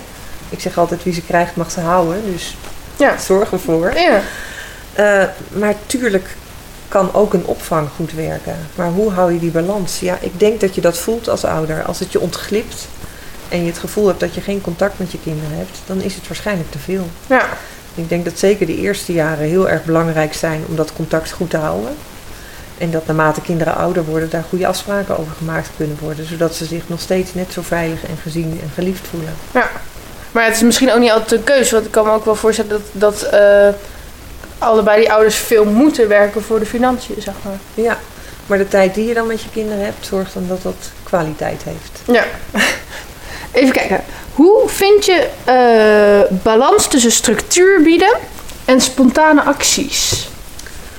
Nou, dat heeft misschien ook met de keuze van je partner te maken. Als ik naar mezelf kijk, ik ben heel erg van de structuur. En ik moet eerst bepaalde dingen af voordat ik het volgende kan doen. En mijn man is veel minder van de structuur en van de spontane acties. Ja. Dus die kon ook verder de boel de boel laten en zeiden we gaan nu pannenkoeken bakken. Juist die, dat verschil ook binnen een gezin vind ik ook naar kinderen toe wel heel erg leuk. Dat je ziet dat dingen niet op één manier hoeven, ja. maar dat er meerdere manieren zijn. Maar kon je je dan wel aan die spontane acties overgeven? Ehm, daar heb ik therapie voor gehad. dat is een grapje. nee, maar dat, eh, ik zag wel dat dat ook leuke kanten in zich had. Ja. Dus soms kom je daar dan zelf niet op, maar als de ander dat wel heeft, Ja. dan ga je daar ook in mee. Ja. Of je zegt, weet je, ik doe mijn structuurdingetjes even. Ga jij lekker spontaan met ze doen? Oké. Ehm, hoe vind je... Ja, dit zijn allemaal balansvragen. Hoe vind je balans tussen fun en grenzen? kan heel goed samen. En hoe dan? Want voor mij voelen grenzen niet als fun. Nee, oké. Het kan Nou. een persoonlijk eh, iets zijn hoor. Stel je voor dat de grens is, we gaan nu naar boven om uit te kleden, te douchen, naar bed te gaan. Ja. En het is klieren en gedoe. Ja. Dan kan ik heel boos gaan worden. Dan wordt de gezelligheid niet beter. Mhm. Maar bij ons thuis liep er dan zogenaamd een billenbijter rond. Mhm. Dus dan zei ik, naar boven, anders komt de billenbijter. Nou, lachen, gieren, brullen en dan waren ze zo boven. Ja. Er werd in geen enkele bil gebeten. Maar gewoon de spanning en de sensatie eromheen vonden ze grappig. Mhm. Dus vooral gebruik je creativiteit en je fantasie. En dan kan je heel vaak dingen ombuigen. Maar ja, ik heb dan ook op de middelbare school les gegeven. En ik merkte wel... ehm, ik heb dat ook wel in me van alles heel speels en creatief doen. Maar als je echt... Ja, ik noem het even lastige pubers. Die bestaan natuurlijk niet. Maar Pubers met lastige dan, dan moest ik echt soms zorgen dat ik niet te grappig was. Ja, Dat klinkt misschien raar, maar anders namen ze me gewoon... Dan vonden ze me wel heel aardig en heel leuk. Maar dan stond die hele klas te Ja. springen en te stuiteren. En die kre- kreeg gewoon niet meer rust. Dus dan moest ik echt gewoon veel saaier worden. En alleen maar duidelijk. Ja. Om te zorgen dat ze rustig bleven, zeg maar. Ja. Dus het is ook wel een beetje zoeken soms. Ja. En eh, pubers hebben ook wel weer een Oh, leeftijd dat je, ehm, dat je met ze kan, eh, afspraken kan maken. Ja, Of een keus kan geven. Jongens, dit is het programma, dit moet gedaan worden. Hoe gaan we dat aanpakken? Dus maak ze ook zelf verantwoordelijk Mhm. voor wat ze moeten doen. Want als jij verantwoordelijk bent, ben je heel hard aan het werk om ze dat te laten doen. ja klopt. Ehm, maar goed, dat is natuurlijk ook weer last met, met lesgeven. Dat jongeren niet altijd op die les zitten te wachten. En denken, ja, dat doen we het toch niet, weet je. Ja. Ehm, in hoeverre mag een kind eh, de leiding hebben over wat er gebeurt? Dat is een, eh, ja. In hoeverre mag hij de leiding hebben? Nou, stel je voor dat een kind altijd de leiding heeft, dan is er iets niet helemaal lekker. Dan wordt het de koning van het huis. Ja. Laten we dat voorkomen. Mhm. Maar respect naar elkaar, ik denk dat vooral. En als iemand gehoord wordt, is het wel prima. Maar de ouders hebben de verantwoordelijkheid en in wezen de leiding voor wat er gebeurt. Ja. Eh, en daar mag je best wat inspraak af en toe in hebben of een keuzemomentje. Dat ligt ook aan de leeftijd. Ik eh, denk inderdaad dat het niet handig is als je een kind hebt wat de koning van je huis is. Maar ehm, stel dat het nou wel per ongeluk zo gebeurd is. Ik denk dat die mensen best wel succesvolle volwassenen kunnen worden als ze, zeg maar, zo gewend zijn om mensen aan te sturen. Dat worden goede managers. Ja. Of ze... Ja, nou ja, weet je, je moet altijd rekening kunnen houden met anderen. Ja, dus ja. er één de koning is en die regelt alles, die heeft dan ook niet naar anderen geluisterd. Nee, nee. En dan krijg je alsnog wel eh, ruzies en zo, denk ik. Ja, en als zo'n kind later onder een baas moet werken, wordt dat heel lastig. Ja. Ehm, hoe kun je... Het gaat even hoor. Nee, deze vraag heb ik net al gesteld. Oké, dan is als laatste van de balansvragen. Hoe ben je een coole, leuke, hippe, gelukkige en ontspannen ouder? Coole, leuke, hippe. Gelukkige en ontspannen ouder. Blijf vooral dicht bij jezelf. Mhm. Dus word geen ouder uit een boekje. en doe wat werkt. En laat wat niet werkt. Ja. Dus ga op zoek naar hoe werkt het bij jullie. Met jouw kinderen, met jouw partner. En zorg dat je elkaar steunt als ouders. Zodat de een het af en toe eens voor de eh, ander kan opvangen. Omdat het een hele vermoeiende baan is. Ja, en ook fulltime. Dat maakt het soms veel minder leuk. Ja, zonder pauze. Ja. Ehm, heb je visies op gezond eten voor kinderen? Dus wat zouden ze 's ochtends moeten eten, 's middags, 's avonds? Ik ben niet een voedingscoach. Oké. Maar ja, de schijf van vijf, inmiddels is die ook alweer aangepast. En moeten we minder vlees gaan eten. Eh, ik denk als je veel variatie hebt Mhm. en toch een zekere structuur in, in ieder geval wanneer je de maaltijden hebt en hoe die er ongeveer uitzien, dat dat van belang is. Ja. En dat alles, kijk, kinderen vinden lang niet alles lekker. Die moeten ook aan smaken wennen. En je vindt pas iets lekker na het een aantal keren gegeten te hebben. Mhm. Dus daag ze ook uit. Kijk of je er een leuke manier voor kan verzinnen om ze van alles te laten eten. Ja. Dat is denk ik van belang. En betrek ze bij het eten. Ja. Meehelpen met eh, komkommer en tomaatjes snijden. Maakt ze al stukken lekkerder.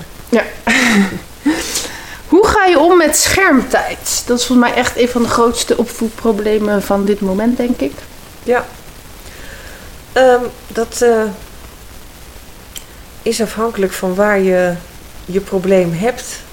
Na coronatijd met pubers die gewoon niks anders te doen hebben. Dat is gewoon verschrikkelijk. Eh, dus met oudere kinderen zou ik zeker in gesprek gaan. Gewoon van wat gezond gedrag is. En dat het ook verslavend kan zijn. Dat eh, je heel veel andere dingen mist op het moment dat je achter een scherm zit. Ja. Voor jonge kinderen, voor kleine kinderen, vraag ik me af in hoeverre het nodig is, die schermtijd. Mhm. Of het gemak is voor de ouders. Mhm. Als het alleen jouw eigen gemak is, zorg dan dat je dat beperkt inzet. Ja. Op de momenten dat je denkt, nu heb ik het echt nodig. Ja. Maar niet al die andere momenten. en ehm, ik denk dat dat toch een kwestie is van ehm, ja, helder daarin zijn, Ja. duidelijk. Dus spreken we af zo lang achter het scherm, dan zetten we een wekker en als de wekker gaat, is de tijd om. En dan doe je er niet nog een half uurtje bij, dan is hij gewoon om. Ja. Waarschuw een paar minuten van tevoren, dat soort dingen zou je nog kunnen doen. Ja, maar heb je echt met die games is al van ja, maar dan is het nog niet klaar. En dan... Is ook heel erg per kind afhankelijk. Ja, Eh, maar die games zorgen ook wel voor dat je het niet middenin kan stoppen. Hè? Dat is altijd Ja. wel vervelend. Maar het kan zelfs zo zijn dat kinderen daar de hele dag mee in hun hoofd bezig zijn. Omdat Ja. ze net dat level verder willen komen. Of met iets heel spannends bezig zijn. En dan legt het beslag op ze de hele dag. Ja, Eh, ja, dan zijn ze er ook mee bezig. Wanneer zal ik dan mijn gametijd gaan inzetten? Als het zo heftig is, Mhm. dan zou ik zeggen beperk de tijd in ieder geval. Ja. En zet het tijdstip vast. Bijvoorbeeld voor het eten van dan tot dan en dan is het ook klaar.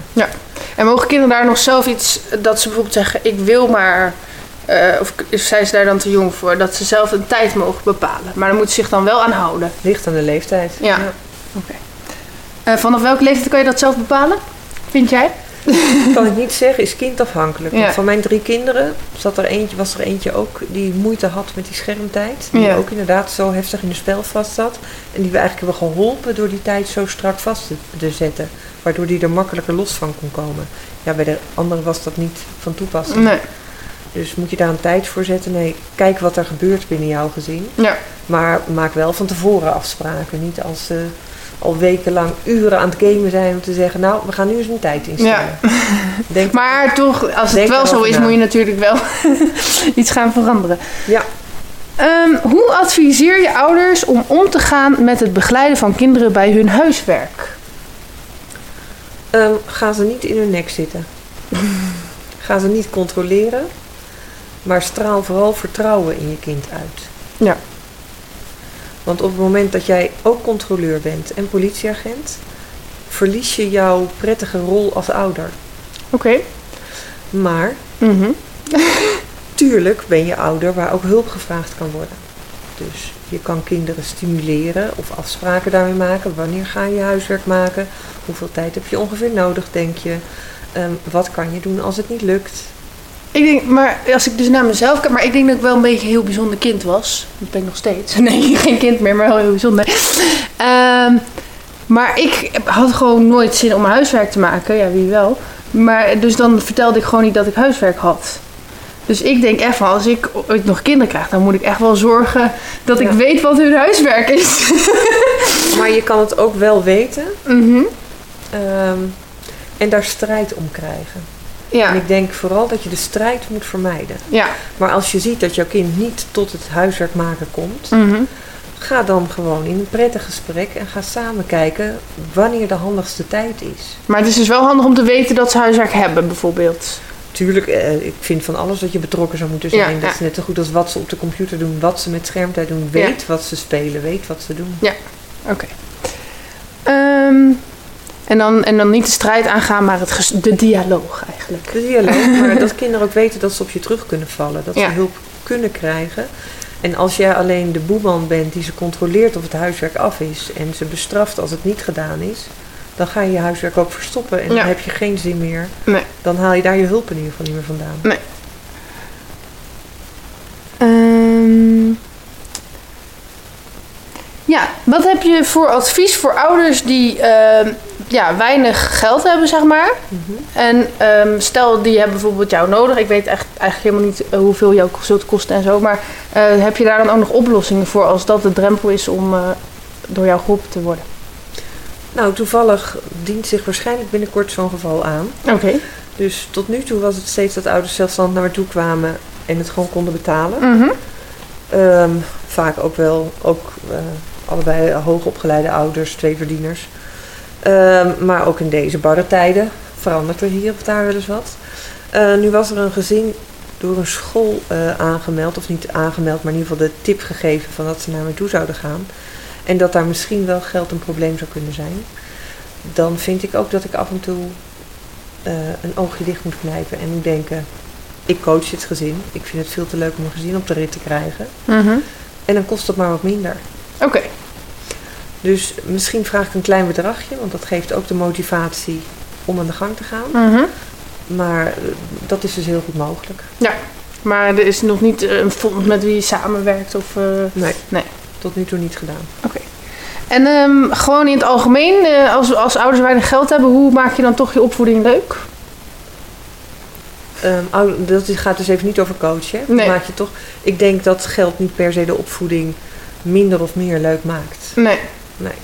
Oké, Dat eh, creativiteit van belang is. Ja. Hoe ga je ermee om? snap ik. Oké. Ehm, hoe houd je je relatie spannend terwijl je opvoedt? Ik ben meer van het opvoedkundige stuk. Dus daar kan je niks over Dus ik ben geen relatietherapeut.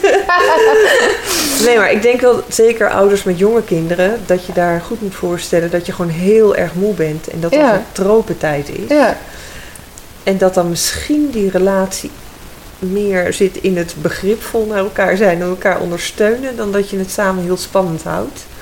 Maar zeker de tijd voor jezelf of voor elkaar af en toe nemen. Dus hè, Mhm. moet je goed kijken hoe dat kan. Of er een vaste oppassen is. Of leuke opa's en oma's waar ze naartoe zouden kunnen even. Ik denk wel dat het van belang is om ook weer eventjes te denken...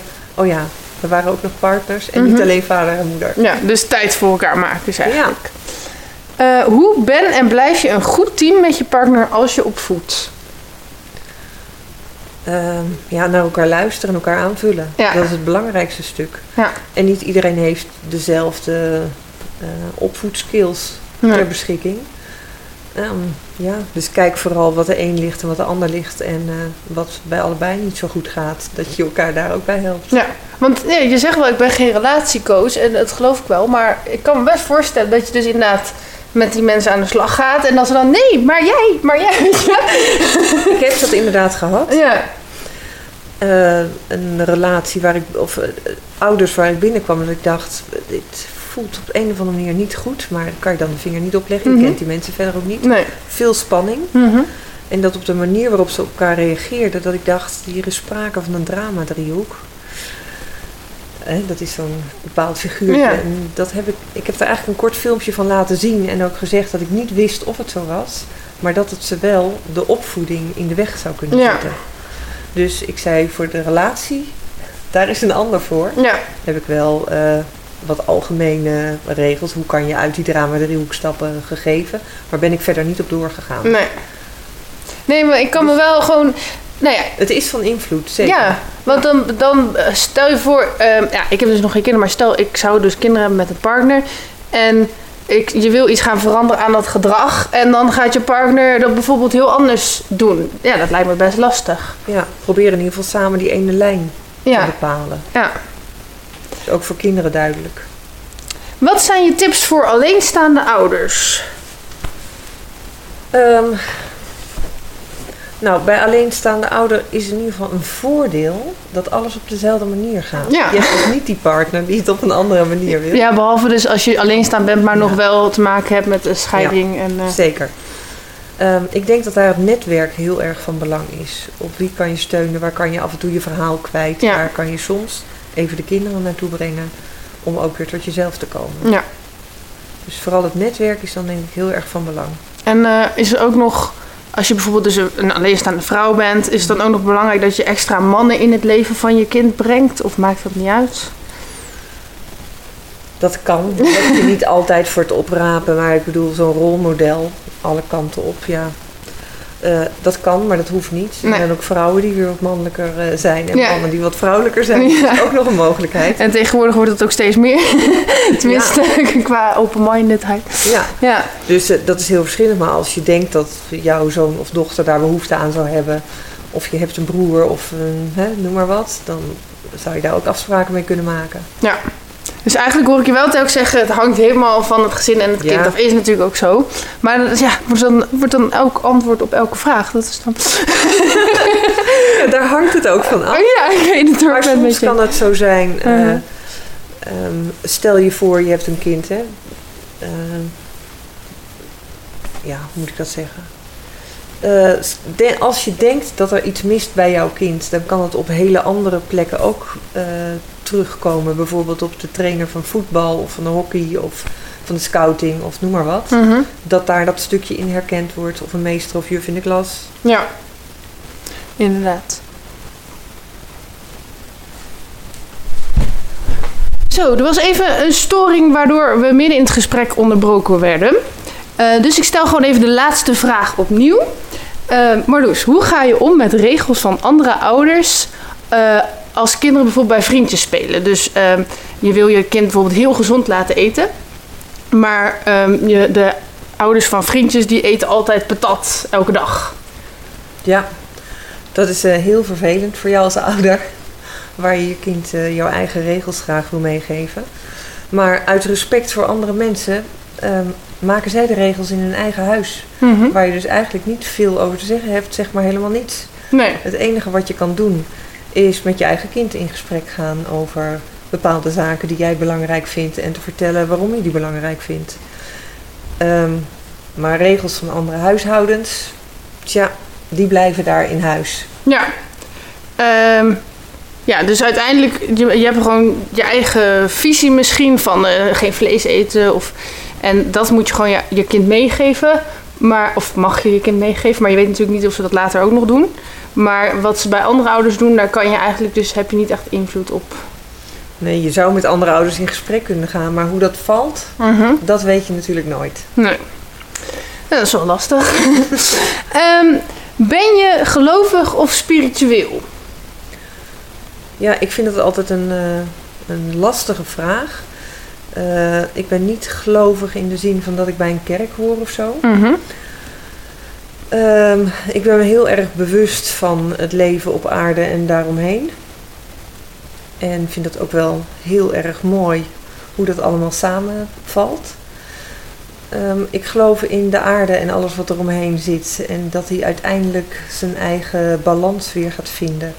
Ook zelfs als wij het heel erg uit balans brengen. Mhm. Maar de rol van de mensen daarin is denk ik ondergeschikt. Eh, we hebben te maken met dieren en planten en mensen. En de mens is maar een klein stukje daarvan. Dus het kan best zijn dat de aarde op een gegeven moment denkt: het is nu mooi geweest. Er komt hier een uh, overstromingje en daar wordt het wat warmer. En we doen het met wat minder mensen verder. Mhm. Maar die aarde die gaat wel verder. Dat, eh, daar heb ik wel vertrouwen in. Dus eigenlijk geloof je vooral in de natuur. Ja. Oké. maar ook nog in iets groters dan de natuur? Eh, De natuur is Ik- natuurlijk eigenlijk al heel groot. dat is al heel groot. Ja, ehm, ik kan niet echt een vinger erop leggen. Mhm. Maar er is ook wel meer dan toevalligheid bijvoorbeeld. Ja. Soms moeten dingen zo bij elkaar komen dat ik denk, ja, dit heeft zo moeten zijn. Ja. En wie of wat dat heeft aangestuurd, geen idee. Mhm. De aantrekkingskracht tussen dingen die elkaar moeten gaan vinden. Ja. Maar dat is waar ik wel in geloof. Oké. Ik geloof er ook wel in, maar soms als ik me dan een beetje, als er dingen allemaal verkeerd gaan en misgaan, dan geloof ik er opeens helemaal niet meer in, hè? dan denk ik, ja, allemaal onzin. We hebben niet alles in de hand, dat is wel duidelijk. Ja. Ehm, hoe geef je ehm, jouw ja, geloof of spiritualiteit vorm in je coaching? En hoe adviseer je, maar dat zijn eigenlijk twee vragen. Ja. Nou, dat als eerste dus. Eh, hoe ik dat vormgeef vind ik eigenlijk niet zo van belang. Ik vind het vooral belangrijk als coach dat ik aansluit bij ouders. Ja, Ik wil ook alle soorten ouders kunnen coachen.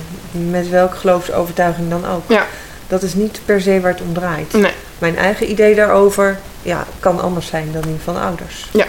En ook eh, heb je nog tips hoe ze hun spiritualiteit en opvoeding moeten verweven? Niet dus, dan laat je gewoon vrij in.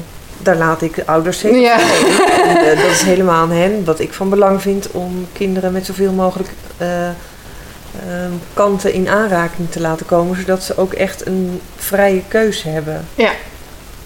Want als je ze nooit... Kijk, ik heb ook mijn kinderen wel verhalen uit de Bijbel verteld. Ja. Eh, Het is ook een stukje algemene ontwikkeling. Mhm. Eh, maar net zo goed is het van belang om de geloven eens naast elkaar te zetten en te kijken waar ze in overlappen. Ja, en zelfs als je dus een kind heel gelovig op een bepaalde manier wil opvoeden, dan is het wel fijn dat ze niet die andere gelovigen heel erg gaan eh, veroordelen of zo, of mensen die niet geloven. Dat vind ik sowieso. Ja. ja, maar goed, er zijn mensen die daar anders over denken. Dat is zeker. Ehm, nou, we gaan een beetje naar de afrondende vragen toe. Ehm, ja, dit vind ik toch nog wel heel... Wat, wat is, zijn nou jouw dromen en plannen voor de toekomst? Ehm, mijn dromen en plannen voor wat betreft opvoedkunst Mhm. is dat ik hoop dat ik heel veel ouders nog mag helpen. En mijn plannen voor de toekomst zijn veel meer maatschappijgericht nog. Ik vind het eigenlijk heel gek dat een van de belangrijkste dingen die je te doen hebt, en dat is kinderen opvoeden, dat we daar zo weinig in ondersteund worden als ouder. Dat iedereen eigenlijk maar iets doet waarvan hij denkt dat het het beste is. Heel vaak komt het ook goed op zijn pootjes terecht. Maar het kan ook heel fijn zijn om daar net iets meer over te weten. Zodat je wat zekerder als ouder je dingen kan doen. Mhm. Dus die maatschappij ervan bewust maken dat daar meer ondersteuning nodig is. Dat vind ik eigenlijk wel een belangrijke nog voor de toekomst. En waarin, eh, hoe heb je dan, zeg maar, wanneer heb je je doel behaald? Ik denk dat het heel moeilijk is om dat doel echt te behalen. Ja. Maar ik hoop dat ik daar een bijdrage aan kan leveren. Ja. En in de ideale wereld, hoe zou jouw ideale wereld eruit zien?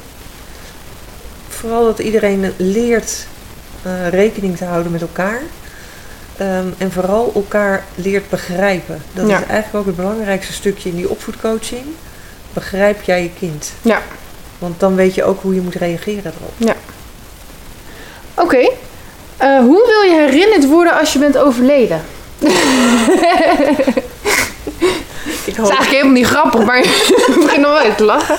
wil je herinnerd worden? Ja. Oeh, dat is echt een moeilijke. Ik hoop dat er dan weer allemaal leuke mensen zijn opgestaan.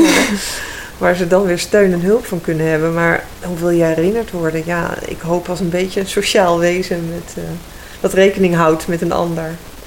En eh, met humor eh, ook heel veel kan bereiken. Ja. Oké. Ehm, wat zou je de luisteraars als laatste boodschap willen meegeven? Dus wat is nou het belangrijkste van jouw verhaal?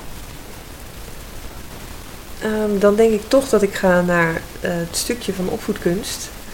dat ik alle ouders wil meegeven dat ik ervan overtuigd ben dat elke ouder ontzettend zijn best doet om zijn kind op zo'n goed mogelijke manier groot te brengen. Dat we daar allemaal mee struggelen als ouders en dat elke ouder zonder schaamte gerust de stap kan zetten naar hulp. Ja. Op wat voor manier dan ook. Ja, sterker nog, het is eigenlijk gewoon heel stoer om hulp te vragen. Want dat laat zien dat je, dat je wil groeien en dat je wil leren. Ja, Toch? Dat je het belangrijk genoeg vindt om voor te vechten. Ja. Ja. Oké, hoe kunnen mensen dan jou vinden? Nou, kijk op eh, internet bij Opvoedkunst in Ede. Blijf vooral praten, ik Bij- zo op het uitknop. Ja, bij eh Opvoedcoach in Ede. En daar vind je mij. En dan kan je gerust contact met me opnemen, telefonisch of door een mailtje. En dan sta ik je graag te woord.